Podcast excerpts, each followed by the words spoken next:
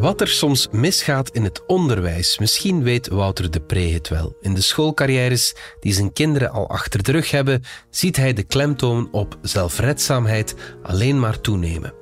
En zelfredzaamheid is mooi, maar te veel zelfredzaamheid, dat lijkt op trek uw plan of zoek het zelf maar uit. En dan laat het onderwijs kinderen en hun ouders in de steek.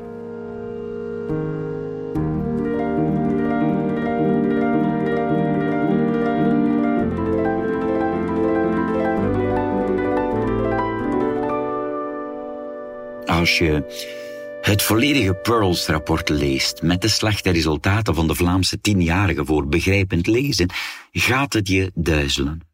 Het meest chockerend is het als je de concrete vragen ziet die de kinderen voorgeschoteld kregen. Op de bijbehorende grafiek zie je hoe we bij bijna elke voorbeeldvraag in 2006 nog stevig boven de mediaan zaten en er nu net onder zijn gezakt. Er zijn al veel diagnoses gesteld en veel mogelijke oplossingen voorgesteld, waaronder helaas weinig eenvoudige. Laat mij nog één algemene tendens aanduiden die alvast niet zal helpen, integendeel. In de schoolcarrières die mijn kinderen al achter de rug hebben, zien we de klemtoon op zelfredzaamheid alleen maar toenemen.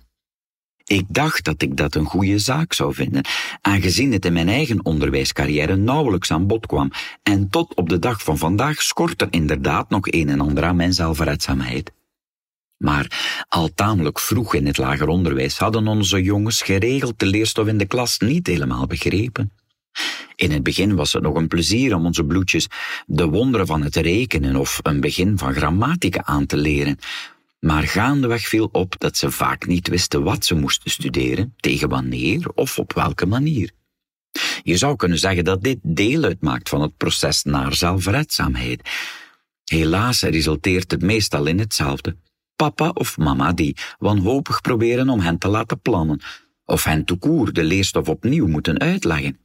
Door de jaren heen groeide bij ons en bij veel bevriende ouders een ongemakkelijk gevoel was het normaal dat we zo vaak zaten te helpen. Als we geen politieagent moesten spelen om het schaarse huiswerk gedaan te krijgen, dan zaten we mee woordjes te studeren of een vergelijking op te lossen.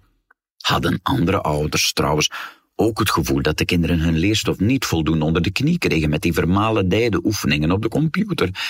En eerlijk is eerlijk, vaak hadden wij ook moeite om te begrijpen wat de leerstof nu precies inhield. Moest dat blauwe kaartje gekend, mocht de definitie inderdaad in eigen woorden, zoals onze oudste beweerden, ook als die eigen woorden maar een al die afbleeksel van de definitie waren. We probeerden ons te herinneren of onze ouders ooit hielpen met het schoolwerk. Ik herinnerde me een klein zetje van mijn moeder de eerste weken in het eerste leerjaar, maar daarna gidste de school de meeste van ons gestructureerd en duidelijk door school en huiswerk.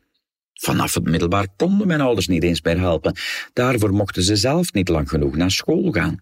Wat deed mijn moeder ons soms wat te duidelijk maken dat het de bedoeling was om goede resultaten te halen. Een paar jaar ver in het middelbaar is de zelfredzaamheid van onze kinderen alleen maar meer op onze schouders terechtgekomen.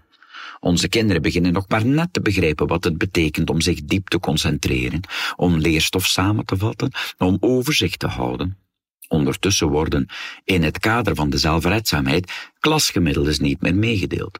Worden toetsresultaten maar per trimester meegedeeld aan de ouders, omdat ze blijkbaar ondraaglijke stress zouden veroorzaken bij onze arme bloedjes van kinderen. Er zijn problemen genoeg, maar ik denk dat dit probleem niet bovenaan staat. Ik verwijt het de leraars niet, maar ergens in een kader daarboven worden vreemde pedagogische accenten gelegd. Ik hoop eind juni voor de tweede keer in mijn leven succesvol af te studeren voor het vak wiskunde in mijn derde middelbaar. Op 1 juli kan ik me dan hopelijk met een cocktail in de hand afvragen hoe ouders die niet verder hebben kunnen studeren het met hun kinderen in godsnaam voor elkaar krijgen. Het zijn mensen zoals mijn ouders en hun kinderen zijn mensen zoals ik. We laten hen op dit moment in de steek.